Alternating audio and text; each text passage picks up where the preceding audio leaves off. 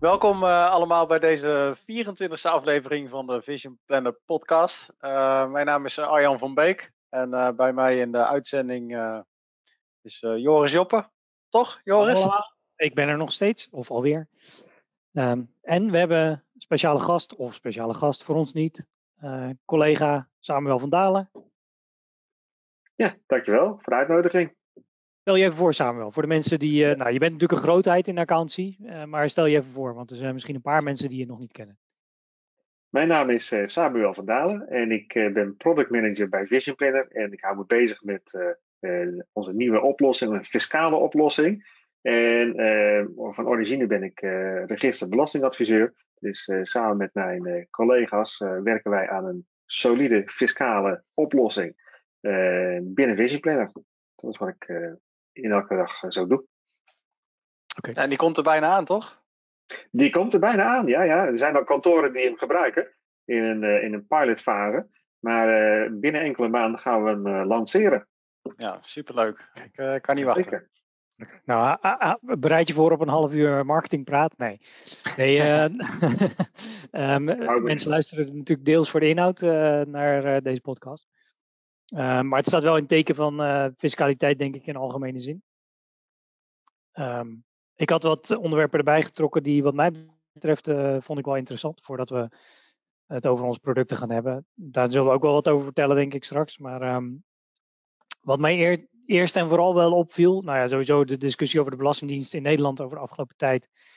Um, legt denk ik wel wat fundamentele tekortkomingen bloot. Maar als je naar Amerika gaat kijken, dat vond ik wel verrassend. Daar heeft Biden 80 miljard uitgetrokken om de IRS, dus de Amerikaanse Belastingdienst, te, um, te financieren of aanvullend te financieren of financiering weer op pijl te trekken. Dat mag je zelf. Uh, heb jij enig idee, Samuel? Jij zit er iets meer in dan, dan wij, uh, hoe dat in Nederland zit? Hè? Um, bezuinigingen op of um, ja, kijk, in Nederland krijgt, krijgt de Belastingdienst natuurlijk een uh, gedeelte van uh, de begroting toegewezen, net zoals alle, alle departementen dat toegewezen krijgen. En eigenlijk is de Belastingdienst daar geen uitzondering op. de Belastingdienst heeft een, een grote ICT-capaciteit. daar mhm. gaat een groot gedeelte van de begroting heen. Maar daarnaast is het ook een hele grote werkgever. Er werken veel mensen. Dus ook aan personeelskosten wordt natuurlijk heel veel begroot en uitgegeven. Dus dat component dat, uh, dat loopt elk jaar wel iets op. Maar mm-hmm. uh, geen 80, miljoen, uh, 80 miljard extra in elk geval. ja, nee. nee, nou de... de zouden ze wel kunnen gebruiken. ja. Zouden ze kunnen gebruiken, ja. Wie niet? Nou ja, als je dat uh, op de totaal Nederlandse uh, begroting uh, afzet, is het ook wel redelijk veel. Maar ja. het argument in Amerika was van ja, um, in Amerika is het zo dat er veel, volgens mij, maar dan met name de mensen um, zonder eigen advocaten. Dus de, de armen en de mensen met middeninkomens, die worden veel vaker gecontroleerd dan de rijken. Uh, dus een van de slogans was to audit the rich. Hè, want als je echt veel geld verdient in Amerika, betaal je geen belasting. Uh, en of dat dan terecht is, dat weten we niet. Want uh, die hebben zoveel advocaten dat een, een goede inspecteur zijn handen er niet aan wil branden, zeg maar. Um, ik weet niet of dat in Nederland ook zo is, eerlijk gezegd. Um, denk in algemene zin is het misschien wel zo dat er een trend is dat um, hoe meer vermogen je hebt, hoe minder belasting je betaalt. Maar dat zit misschien wel in het systeem, dat weet ik niet. Ja, dat zit denk ik wel in het systeem. Er is natuurlijk voor gekozen om het zo op te zetten. Uh, de, uitgangspunt van de, van de Nederlandse belastingwetgeving en de Belastingdienst is dat wij natuurlijk uitgaan van de goede wil van de belastingbetaler. Dus uh, die wil in principe voldoen aan zijn verplichtingen. En daardoor zal die ook een correcte aangifte indienen. En nu blijkt het in de praktijk natuurlijk wat lastiger. Maar dat verklaart natuurlijk waarom de Belastingdienst zich eh, met name focust op de groepen waar zij denken dat het eventueel misgaat. En ja, dat is denk ik ook wel de verklaring waarom er allerlei van die lijsten bestaan met, uh, uh, met, doelgroepen, zoals ze die pas ook hebben aangeschreven, waar dan de focus op ligt om de zaken te controleren. De vraag is of dat per saldo natuurlijk veel oplevert, maar goed, dat is uh, een uitvloeisel van het beleid. Ja, je bedoelde eh, zoals recent aangeschreven? Help me out hier. Daar hebben we het niet over de ja, toeslagenaffaire, toch? Ja, er is een excuusbrief is er rondgestuurd uh, naar een aantal, ik geloof wel een paar honderdduizend mensen. die dus in de selectie zaten, die gesignaleerd werden voor fraude. Dus er zijn volgens mij iets van 60 of 100.000 mensen die een brief hebben gekregen. Die zaten dus in die doelgroep. En daar ligt dus een, ja, die, daar wordt gewoon echt alles goed gecontroleerd. Um, ja, en dan weet je van tevoren niet of je daar uh, onderdeel van bent of niet. Dus dat, uh, ja, dat is hoe de, de belastingdienst het insteekt. Ja, of nog niet. Ja, ja. Dat geen opt-in zat erop. Nee, nee, ook geen opt-out. Dus, maar de Belastingdienst die, heeft die, die, die, die, groep stopgezet. Dus ze, hoe ze dat nu gaan vormgeven, weet ik dan dus niet. Maar dat was hun manier om uh, de, de, bijzondere situaties uit te filteren. Dus ze keken eigenlijk niet naar, de, uh, naar, naar, wat ze aangeleverd kregen uh, en wat daar eventueel mis kon gaan. Maar dit was een aanvulling erop dat ze gewoon al een bepaalde groep sowieso gingen monitoren. Ja. Dus om allerlei andere kenmerken. Hm. Ja, dus maar goed wat je zegt, in Amerika focussen ze nu op de rijken en ook op ondernemingen. om die ja, gewoon meer, beter en intensiever te controleren. Um, omdat daar natuurlijk, als er wat aan de hand is, de opbrengst ook veel groter zijn. Dus ik denk dat dat een beter rendement op de inspanningen geeft. Ja. Ja. ja. Stond jij op de lijst, Arjan? ja, niet dat ik weet, ik heb nog niks gehoord. Ik nog geen brief gehad. Af, misschien weet je dat, Samuel. Weet jij of dat soort dingen ergens gesignaleerd worden of zo in het, ja, op een website? Of, Zoals je, je paswoord gestolen is. Dat je... nou, nee, ja, of, of, eh, binnen de community van belastingadviseurs of zo. Dat er, uh, dat er wordt gezegd uh, van nou, of wordt gedeeld van let op, uh, Belastingdienst ehm, heeft momenteel de focus op, nou, op een bepaald nou, onderwerp, op een bepaalde doelgroep. Ja, dat wordt wel gecommuniceerd. Dus elk jaar heeft de Belastingdienst een bepaald onderwerp waar ze voornamelijk op willen focussen. dat wordt gecommuniceerd. Um, maar er zijn bijvoorbeeld aandachtspunten geweest voor giften een tijd lang. Of die wel ambi gerelateerd waren of voor, voor ziektekosten.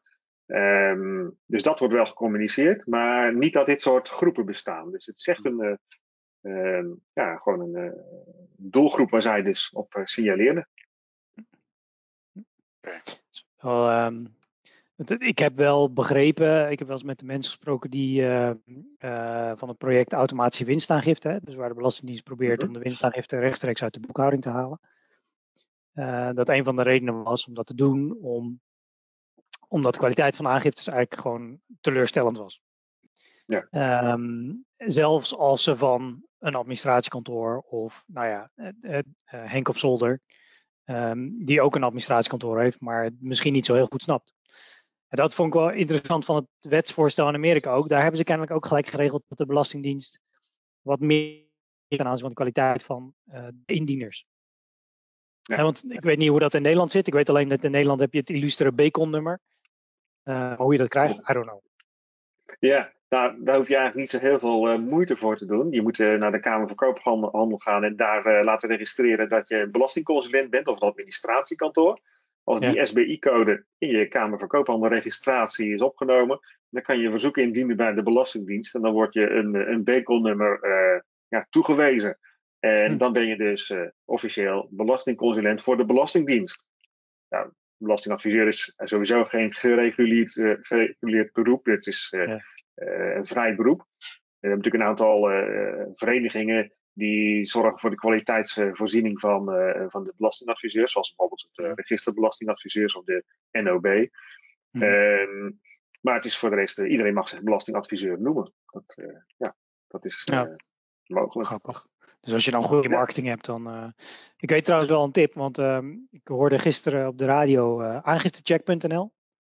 Mm -hmm. dus, hè, dus, als jij als hobbyist een Bacon-nummer aanvraagt en alle aangiftes doe je even via aangiftecheck.nl dan uh, zijn ze gevalideerd, kan je, uh, kan je op die manier toch hoge kwaliteit aangiftes indienen, of niet? Ja, het, ja met die nou kan je, kan je nagaan of de aangifte die, die is ingediend, of die wel correct is geweest. En, als die niet correct is geweest, kan je dus kan je ook aanwijzingen hoe je die aangifte kan verbeteren en opnieuw kunt insturen. Of eventueel bezwaar kunt maken met die nieuwe gegevens. En dat, uh, dat kan op die manier zeker fiscaal voordeel opleveren. Dus ja, dat is, als, je, als je te zeggen, doe het. Hè, schrijf je in als belastingconsulent en laat je registreren. Aangiftecheck.nl is voor IB-aangiftes, denk ik, of niet? Dat is alleen voor IB-aangiftes. En het is eigenlijk een initiatief van de Bond voor Belastingbetalers. Mhm. En dat is een vereniging die, de, die eigenlijk wil zorgen dat de aangiften juist zijn en dat de bestedingen ook uh, correct zijn. Dus dat, uh, dat er een duidelijke onderbouwing is waar het geld aan wordt uitgegeven. Dat is de doelstelling van de, de, Bond voor Belastingbetalers. Mhm. En uh, een van hun activiteiten is deze aangiftecheck die zij stimuleren. Nou, enig idee wat ze, wat, ze, wat ze controleren dan? Wat ze ja, wat ze checken is, ze kijken bijvoorbeeld eh, naar de, eh, de, inhoud van de aangifte. En een hele belangrijke is de, de, zeg maar de verdeling van de aftrekposten. Nou, als je hmm. fiscaal partners bent van elkaar, dan mag je die optimaal verdelen. En met de website, de aangifte website van de Belastingdienst kan je dat ook doen, maar dan is het een handmatige verdeling. Hmm. En dat kan natuurlijk fiscaal optimaal uh, heel anders zijn. Hè? Is niet gezegd dat als je het handmatig doet, dat je dat, uh, dat, dat tot de beste oplossing leidt. Je moet alles doorrekenen. En dat doet die aangifte check wel, check wel. Dus hij kijkt van wat is de fiscaal optimale verdeling? Wat is er geweest en wat is eventueel het verschil? Maar er kunnen natuurlijk ook nog andere uh, onderdelen zijn. verdelen van, van, van, van box 3 vermogen, dat is er ook. Hè, om optimaal gebruik te maken van de vrijstellingen of tariefvoordelen dat, uh, dat is best intensief om dat door te rekenen. En die aangiftecheck die doet dat voor je. Hm. Handig. Handig. Ja. Ik weet niet of het gratis is, maar uh, nou ja, aangiftecheck.nl voor als je luistert. Ik weet niet, uh, de host aan aangifte is denk ik al geweest, toch of niet? Ja, ja dat, dat klopt. het is wel zo dat die aangifte, die moet natuurlijk een beetje uniform zijn, anders kunnen zij dat niet verwerken. Dus zij baseren hm. zich op de PDF die je maakt van je aangifte. Dus als je inlogt bij de Belastingdienst, hmm. dan kan je alle gegevens daar invullen. Dan kan je een PDF uiteindelijk downloaden. En hmm. die PDF, dat is de basis voor de berekeningen van aangiftecheck. Dus die lezen zij in. Maar ja, toch een beetje als uh, Robin Leuk. Ja. Leuk. Ja. Ja. ja. toch? Ja. ja dus, uh, ik, ja, dus ik vraag me af waarom gebruiken ze geen, uh, geen XBRL? Want dat, uh, nou ja, dat is misschien voor um, particulier is dat. Ja, ja, die aangifte-site van de Belastingdienst die maakt geen XBRL. Hmm. Dan krijg je alleen een uh, pdfje uit. dat is wel grappig. We, we zadelen alleen de markt op met een supercomplexe taal als XBRL om aangiftes in te maken. Maar zelf ja. hoeven we dat niet te doen. Maar goed, dat is een andere discussie. Laten we daar niet over hebben. Oké, maar het interessante aspect daarvan is misschien wel uh, die berekeningen, dat is één. Want uh, dan komen we misschien een beetje op het onderwerp ehm, van onze eigen fiscale applicatie. Dat is eigenlijk een rekenmachine. Ja. Toch? Dat klopt. Ik bedoel, ja. want wat, uh, um, nou, kennelijk zijn niet alle rekenmachines even goed, want die van de Belastingdienst is, is misschien niet zo heel erg uh, gebruiksvriendelijk wellicht. Wa waarom doen, waarom, ik bedoel, ik weet het natuurlijk wel, maar voor de luisteraars, waarom ontwikkelen wij überhaupt een fiscale applicatie? Ja, wij ontwikkelen een eigen fiscale uh, applicatie, omdat we um, alles in één kunnen doorrekenen. We hebben in Vision Planner natuurlijk al heel veel fiscale, of eh, financiële cijfers staan. We maken een jaarrekening, dus we weten precies wat er op de verlies- en winstrekening staat en op de balans. En mhm. dat is juist ook het vertrekpunt voor de aangifte. Dus als die cijfers in, in Vision Planner staan, dan is het eigenlijk uh, uh, logisch om die cijfers ook direct te kunnen gebruiken voor het uh, opstellen van een aangifte. Nou, in de aangifte moet je natuurlijk nog allerlei andere vragen beantwoorden. Uh, ja, dat doen wij met onze aangiftesoftware. Dus we halen de cijfers op, die vragen mhm. beantwoord je voor zover nodig. Dan heb je niks te beantwoorden, dan, uh, dan kan je vrij snel door. En uh, op basis daarvan maken we ook direct een berekening van het te betalen of het ontvangen belastingbedrag. Dus je hebt dan direct ook de fiscale gevolgen in beeld. Dus, doen we ja, sorry, ik onderbrak je. Dat doen we dus op basis van, ja, kijk, een jaarrekening is altijd een stukje verslaglegging over het eh, achterliggende jaar of een achterliggende periode. Mhm. En ja, daar hoort dan een aangifte bij. Maar ja, goed, we kunnen natuurlijk ook in de loop van het jaar al de cijfers berekenen voor het lopende jaar. Ja, het is nu uh, mei, dus uh, de eerste vier maanden zit al in de, in, de administratie. En als die gekoppeld is met Vision Planner, dan, dan kennen wij die ook en dan kunnen wij al doorrekenen wat uh, de verwachte belastingbedragen zouden zijn voor dit jaar. En ja, dat geeft je dan de gelegenheid om uh, als ondernemer ook ervoor te zorgen dat je niet aan het einde van het jaar een onverwacht hoge aanslag krijgt, maar dat je nu al een, een voorlopige aanslag zou kunnen aanvragen, waarbij je dus in, in delen kan betalen. Dat, dat scheelt een stuk in het bedrag wat je dan uit moet geven. Maar dat is, dat is best bijzonder, want dat, volgens mij uh, is er geen enkele andere partij die dat momenteel aanbiedt. Ja, wij vanuit Vision Planner werken natuurlijk in het jaar, aan het jaar. De administratie wordt gewoon elke dag bijgewerkt. Nou, dat, dat zien we terug in Vision Planner in onze overzichten, in onze dashboards. En uh, ja, diezelfde informatie is natuurlijk uniek om die ook te gebruiken. En uh, veel van onze fiscale mm, collega's die, die hebben natuurlijk een aangiftepakket. En ja, dat ziet dan met name op een uh, verslagperiode die in het verleden ligt. Dus ja, dat is uh, redelijk uniek de, uh, om het op deze manier aan te vliegen. Ja. Ik, ja, ik, ik ben natuurlijk al heel erg oud. En um, van de tijd dat we nog jaarrekeningen lieten maken door de typekamer, zeg maar. met typex. En dat we toegegeven, hè, dat waren de eerste jaren van mijn carrière. Maar dat was gewoon een typekamer. Daar zaten vier dames. Daar ging je een jaarrekening toebrengen. En daar kwam dan een concept uit. Dat ging je dan doorrekenen en, dat, en nou, echt, echt geestdodend werk. Maar als dat klaar was, dan ging er meestal pas een fiscalist naar kijken. Ja. Um, en eh, dat, mijn gevoel was altijd van ja, die, die, de fiscale applicaties die de markt heeft, die hebben dat proces gepakt en ze hebben dat geautomatiseerd. Maar ze hebben niet het fundament, fundamenteel anders gedaan. Ze hebben het alleen digitaal gemaakt.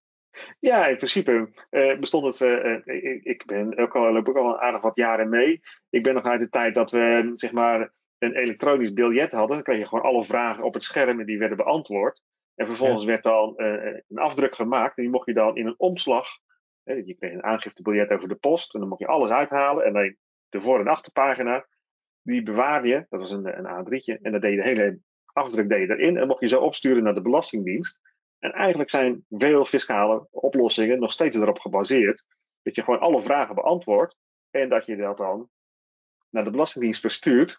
Maar uh, uh, ja, ja, het kan, het kan, uh, kan anders en dat, wij doen het daarom ook anders. Wij gaan die cijfers automatisch doorrekenen en ehm, ja, controleren en dat soort zaken. Dus het, het, kan, het kan sneller, beter, efficiënter.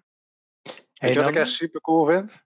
Ik, ik, heb, ik heb alles mogen kijken. En uh, je ziet continu tijdens het uitwerken van je aangifte, zie je, je het te betalen belastingbedrag zie je, zie je in beeld.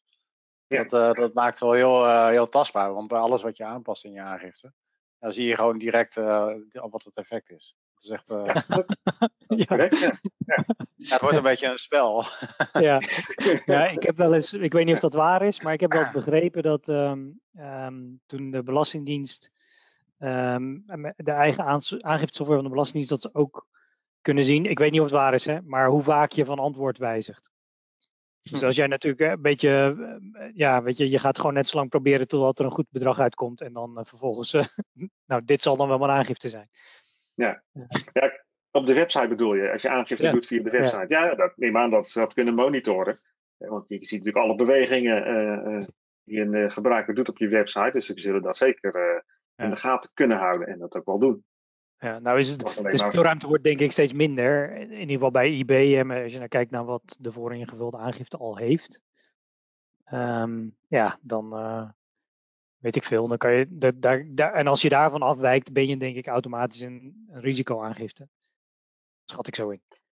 Ja, kijk, nou, de Belastingdienst werkt natuurlijk met een soort uh, uitvalsysteem. En uh, als alles overeenstemt met uh, datgene wat zij al weten via de vooraf ingevulde aangifte en wat zij verzameld hebben, ja, dan, dan val je niet uit, dan ga je er heel snel door het proces heen. Maar ja. uh, op het moment dat je natuurlijk uh, afwijkt, ja, dan, dan val je in zo'n selectie. Waarbij mhm. de belasting, het systeem van de Belastingdienst gewoon je eruit filtert en zegt van hier moeten we naar kijken. En ehm, de praktijk leert dat als je weer terugkomt in het proces, dat je, dat je op een later moment soms dan toch uh, weer niet meer in de selectie valt, omdat zij te veel uh, drop-outs hebben, dat soort zaken. Dus, uh, en, of te weinig capaciteit of anderszins. Toch 80 miljard nodig.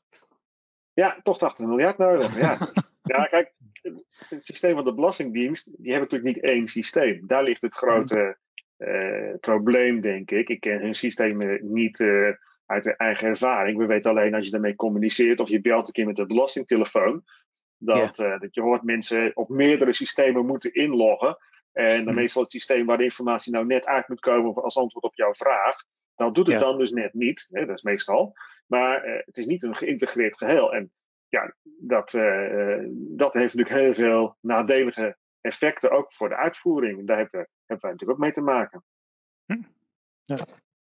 Ja, want ik bedoel, aangifte is een eens per jaar feestje, toch? Ja, ja klopt. Ja. De definitieve aangifte over een jaar is één keer per jaar. De voorlopige aangifte kan je elke maand uh, aanpassen.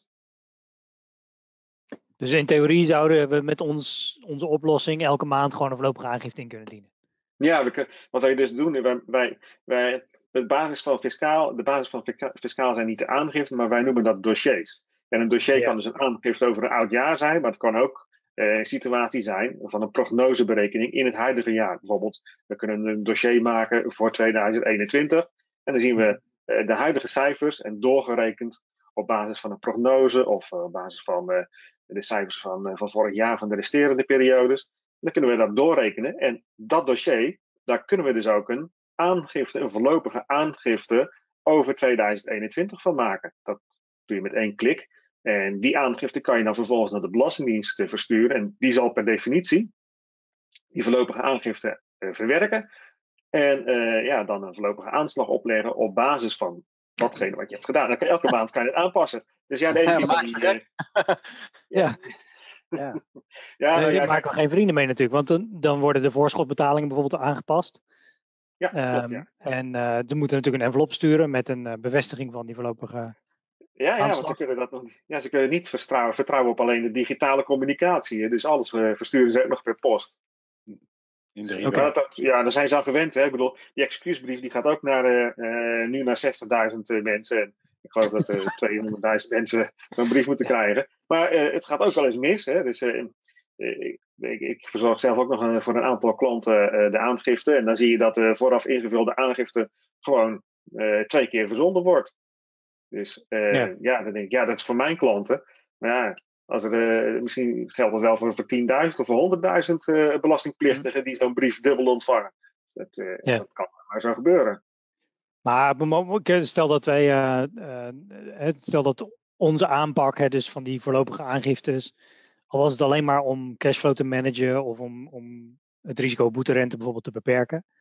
Stel dat mhm. we dat zover automatiseren dat hij elke maand gewoon een nieuwe voorlopige aangifte eruit gooit. Je maakt de prognose in Vision Planner, je berekent de belasting. Ehm, en uh, dan, dan neem ik aan, uh, als we dat maar vaak genoeg doen, dat de Belastingdienst op een gegeven moment denkt van nou, dit wordt wel wat gortig. Want normaal gesproken eh, ga je in september misschien eens een keer kijken naar die voorlopige winstaangifte. Ja, klopt, ja.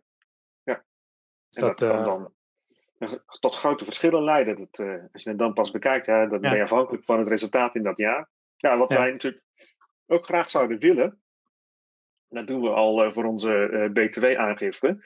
Dat is natuurlijk een, een koppeling met Ideal.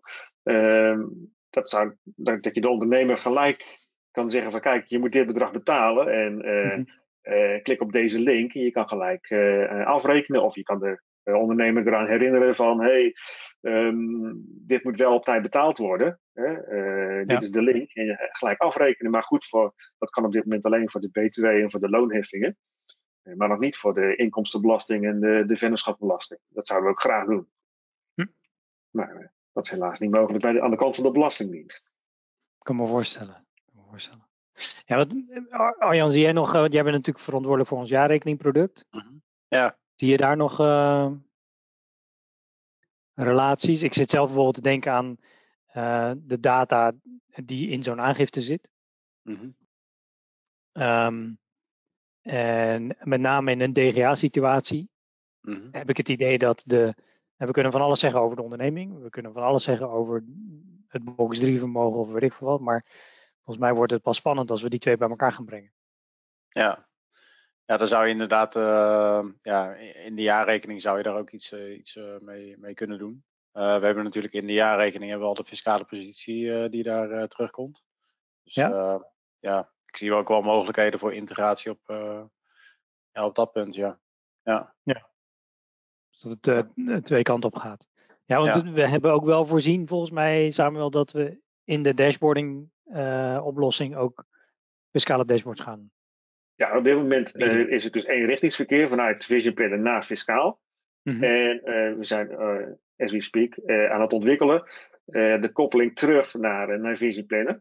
Eh, zodat we die cijfers die we berekend hebben, en die dus in een aangifte zitten of in een prognoseberekening, dat we die ook weer kunnen presenteren binnen Vision Planner. Dat kan dus ook in een, in een, dashboard zijn, of inderdaad in een jaarrekening. Hm. Nou, we hebben, ja, we hebben in Vision Planner hebben we natuurlijk ook een speciale dashboard presentatie voor het bespreken hm. van de jaarrekening. Het hm. zou inderdaad ook wel mooi zijn als je daar ook weer de fiscale cijfers in, in terug laat komen zodat je in de bespreking van de jaarrekening dus ook, uh, ook meteen die fiscaliteit kunt, uh, kunt meenemen. Ja, ja dat, dat, is wel onze insteek, dat daar die cijfers mooi in uh, verwerkt kunnen worden. Ja. En dan kan hij gelijk in de app zijn, en zijn aangifte goedkeuren en zijn jaarrekening goedkeuren. Ja. Correct, ja. Ja. En dan hoef je, hoef je hem weer een jaar niet te zien. Nee, dat, dat is natuurlijk niet de intentie. Maar en dan hoeven, dan hoeven kantoren niet eens een jaarrekening te maken met Vision Planner, toch? Uh, dus stel dat er een ander kantoor is dat, uh, dat werkt met, uh, met Infine bijvoorbeeld voor het maken van jaarrekeningen. Ja, dan, dan kan dat ook op die manier werken. Ja, we werken aan een koppeling waarbij we dus die cijfers uit in dit geval Infine toch in, de, in Vision Planner terechtkomen en ze dus die fiscaal een aangifte kunnen maken. Uiteraard, ja. En ook zo'n dashboard kunnen gebruiken. Ja. ja. ja. Grijns. Ja, dat is misschien niet voor alle ondernemers weggelegd, maar het is denk ik wel, kijk, ik moet zeggen, ik doe mijn eigen aangifte. Um, en ik weet het jaar daarna natuurlijk niet meer wat ik heb gedaan. Ik vind het ook echt mega suf. Um, sorry, dat is, geen, dat is geen vakterm, maar ik vind het ook, weet je, dat je uh, die aangifte, bijvoorbeeld je, uh, je spaargeld, dan moet je dat een stand per 1 januari opnemen, toch? Van het jaar. Ja, klopt, ja. ja. Um, en dat ik dan, uh, dat ze geen vergelijkende cijfers ernaast zetten. Van dit was je aangifte van vorig jaar. Ze, hebben wel de, ze krijgen het wel van de bank van dit jaar. Denk je, ja, zit die dan van vorig jaar er ook even naast? Ja, ja, ja. Dan heb ik in ieder geval een beetje het gevoel, ja. Um, en dat kunnen we natuurlijk wel. In die dashboards kunnen we meerjarenoverzichten maken. Zodat je, ja. Dat je toewerkt naar verkoop van je onderneming of zo. Dat je het vermogen van je onderneming naast de, je box 3 vermogen kunt zetten. En, en zo een beetje weet van, oké, waar gaat het heen? Ja, kijk, uh, je, je doelt op een uh, prognoseberekening voor de toekomst. Hè? Dus, uh, ja, dat zou allemaal mooi zijn natuurlijk. Maar... Ja, nou, voor dit jaar, we zijn dus nu aan het werken in het jaar, aan het jaar. Dat gaat ook voor fiscaal gelden. Maar we willen ja. natuurlijk ook de stap naar de toekomst maken. Ja, wat zijn de gevolgen van keuzes die je nu maakt voor de toekomst? Of het nou over vijf jaar of over tien jaar is, daar moeten we dan maar eens over spreken. Maar ook dat kan je natuurlijk wel doorrekenen op basis van de huidige fiscale wetgeving. Ja. Ja, ja oké, daar zit natuurlijk wel een, eh, een, eh, een, als, als de wetgeving wijzigt, dan verandert er misschien ook wel weer iets. Maar dat, dat, moet, daar moeten wij. Dat leidt ook tot aanpassingen in de rekenmachine dan, zeg maar weer. Zodra die wijzigingen. Uh, ja. ja, maar dat geldt natuurlijk voor elk fiscaal advies. Uh, ja. In of uit ja, de. Ja. ja, dat is op basis van de huidige situatie, maar dat kan over vijf jaar anders zijn. Ja, ja, daar kan me wat bij voorstellen. Ja, ik denk nu even bijvoorbeeld aan dividendbelasting. Dat percentage gaat volgens mij omhoog in algemene zin. Ja, ja klopt. Is dat uh, hm, grappig. grappig. Maar goed, dat, uh, en, en daarnaast even voor mijn begrip, hè, want uh, ik, ik, heb, ik heb nooit echt zakelijk gezien, heb ik nog nooit aangiftes gedaan. Maar er zitten allerlei toeters en bellen omheen met serviceberichten en met Um, uitstelregeling en dat soort. Uh, want waarom wordt die uitstelregeling eigenlijk gebruikt? Die uitstelregeling wordt gebruikt omdat uh, uh, belastingconsulenten, die geregistreerd zijn, heel vaak heel veel aangifte moeten doen. En die hebben daar natuurlijk normaal gesproken maar de tijd voor tot, tot 1 mei. En dat lukt mm. dan niet in die periode. En daardoor mogen ze dus al hun aangifte uitspreiden over een heel jaar. Um, dus die krijgen één jaar langer de tijd om aangifte in te sturen. En dan mhm. hoeven ze niet een jaar te wachten. Sterker nog, ze moeten regelmatig wat inleveren. Er zijn bepaalde percentages die je elke maand moet doen. Mm um, uh, maar dat geeft je wel de gelegenheid dat als je nog niet alle informatie compleet hebt, of je bent ja, een, klant die, die reageert niet snel genoeg, of het is een mhm. bijzondere situatie, of er is een buitenlandcomponent, dat zorgt ook heel vaak voor vertraging, dat je mhm. die over het jaar heen kunt verspreiden. En dat je toch alles keurig op tijd kunt inleveren, zonder dat er sprake is van, van, van boetes. Hm? En dat gaat over, want ik denk, in het kader van de tijd moeten we denk ik een beetje richting afronding gaan. Maar, want dit gaat over uitstel van de, het doen van aangifte. Nou, dat gaan we regelen, neem ik aan, in onze oplossing. Klopt, ja, dat, dat komt er zeker in. Ja. ja. Um, maar als, actueel is denk ik uitstel van betaling. Uitstel van betaling. Eh, ja, dat is natuurlijk uh, heel actueel. heel veel, we hebben gelezen dat heel veel ondernemers uitstel van betaling hebben gevraagd. En ehm, dat het om een substantiële bedragen gaat, die ook van, impact zullen hebben op ja, de liquiditeit van de onderneming. Dus dat, vraagt wel nauwlettendheid om dat uitstel ook goed um, tot ja, een goede vervolg te geven. Dat je uh, niet alles in één keer hoeft te, terug te betalen. Dat je het uit kan spreiden over drie jaar of misschien over tien jaar. Um, maar ja, de Belastingdienst vereist dan wel een goede prognoseberekening van uh, de ontwikkelingen voor de toekomst. Daar kunnen zij op berekenen. En um, ben je inderdaad wel solide om het ook terug te kunnen betalen. Want ja, daar zit natuurlijk nu de vraag voor de komende jaren. Krijgen ze het geld terug? Uitstel tot tien jaar, zeg, zei dat nou goed? Ja, nou ja, goed. Uh, goed? De berekening van de ABN, die zeiden van ja, als we uh, goed naar de cijfers kijken, dan zien we dat er zoveel uitstel is aangevraagd dat ondernemingen gemiddeld tien jaar nodig hebben om hun bestaande resultaat of hun verwachte resultaat aan te kunnen wenden om alle uitgestelde betalingen terug te kunnen betalen. Dus dan zit je eigenlijk gewoon tien jaar zonder winst. Dat is het standpunt van de, van de, van de ABN. Dus ja, dat, dat klinkt als iets wat al onmogelijk is. Daar zou ik als uh, ondernemer niet uh, per se uh, optimistisch van worden. Maar goed. Dat, nou ja, ik vond ook geen optimistisch bericht toen ik het las. Dus, ehm, nee. nee. En als je dan ziet dat de termijn op zich 36 maanden is, dan betekent dat dat je, dat je gewoon geld tekort gaat komen. in, onder normale omstandigheden. Tenzij je natuurlijk je, je winst enorm stijgt. Maar ja, goed, dan moet je ook wat mm. aan van de omzet en de kosten doen. Vandaan komen. Maar dat, dat is een macro-economische berekening, neem ik aan. Van ja, ja, uiteraard. Ja. ja. grappig. Of grappig, het is helemaal niet grappig. Um, uh, nou goed, misschien moeten we daar op een ander moment. Of daar hebben we denk ik een webinar over gedaan, of niet? Liquiditeit, belasting, uitstel van betaling. We hebben binnenkort een webinar over liquiditeit en belastingen. Dat is aanstaande donderdag. Oh, oké. Ah, oké. Nou, kijk, hoe topical gaan we nu verder niet op in. Wat mij betreft uh, moeten we denk ik ook hierbij laten. Maar misschien wel goed om een soort van tijdpad, Samuel. Ik weet niet voor zover je dat eh, wilt uh, vertellen hier. ja, we richten ons van fiscaal richten we ons op een lancering van onze fiscale oplossing, onze aangifteoplossing voor de inkomstenbelasting, vennootschapsbelasting en omzetbelasting op 1 juli aanstaande. En, en, dan is ons product nog niet compleet. Hè. We zijn echt in ontwikkeling. Er komen er nog wat, eh, wat onderdelen bij. Uh, Nog wat verbeteringen. En ehm, eh, de doelstelling is dat we aan het einde van het jaar een complete oplossing hebben. Dus dat we ook de loonheffingen ondersteunen. Dat we uitstelregeling hebben. dat we nog wat verbeteringen hebben doorgevoerd. Um, dat soort zaken. En uh, ja, die verbeteringen bedenken we niet allemaal zelf. Dat doen we ook samen met onze pilotkantoren. Die blijven ook het komende half jaar erg belangrijk. En uh, zij geven aan uh, wat, wat, wat zij erg op prijs stellen. En wat, wat zou beter zou kunnen. Of wat mm uniek zou zijn. Dat soort zaken. En ja, we zijn blij met deze samenwerking ook met kantoren uit de markt. Ja. Zoeken we nog pilotkantoren of niet? We zoeken nog steeds pilotkantoren, ja. Nou, groot klein. Die kunnen zich melden. Iedereen die luistert, meld Iedereen die luistert. Ja. Samuel.vandalen.visma.com. Gok ik. I don't is dat? maar het mag ook naar joris.job.visma.com. Dat komt ook aan. Ja. Geen probleem. Dus dat, uh... nou, het is wel spannend. Straks ben je de enige fiscalist in Nederland die uh, duizenden aangiftes per dag gaat doen, uh, Samuel. Ja, precies. precies. Ja, ja, ja, ja. dat, eh, dat zeg ik altijd tegen mijn uh, accountantsvrienden. Ik ben natuurlijk accountant. En ja, mis je niet het maken van jaarrekeningen? Zeg ja, luister, wij, wij maken duizenden jaarrekeningen. Waar heb je het over? Goed. Um, dat was wat mij betreft. Ik weet niet of jullie nog dingen willen toevoegen. Of dat we, want we zijn nu denk ik al uh, bijna 40 minuten bezig. Dus dat maakt het. Uh... Nee, het wordt tijd om af te ronden.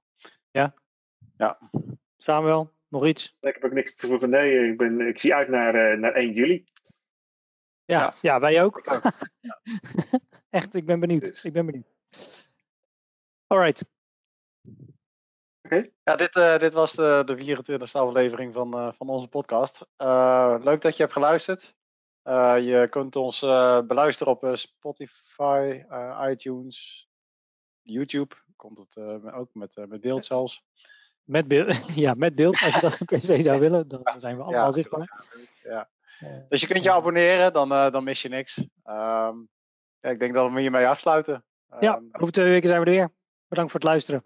Dankjewel. Tot ziens. Okay, tot gauw. Hoi hoi.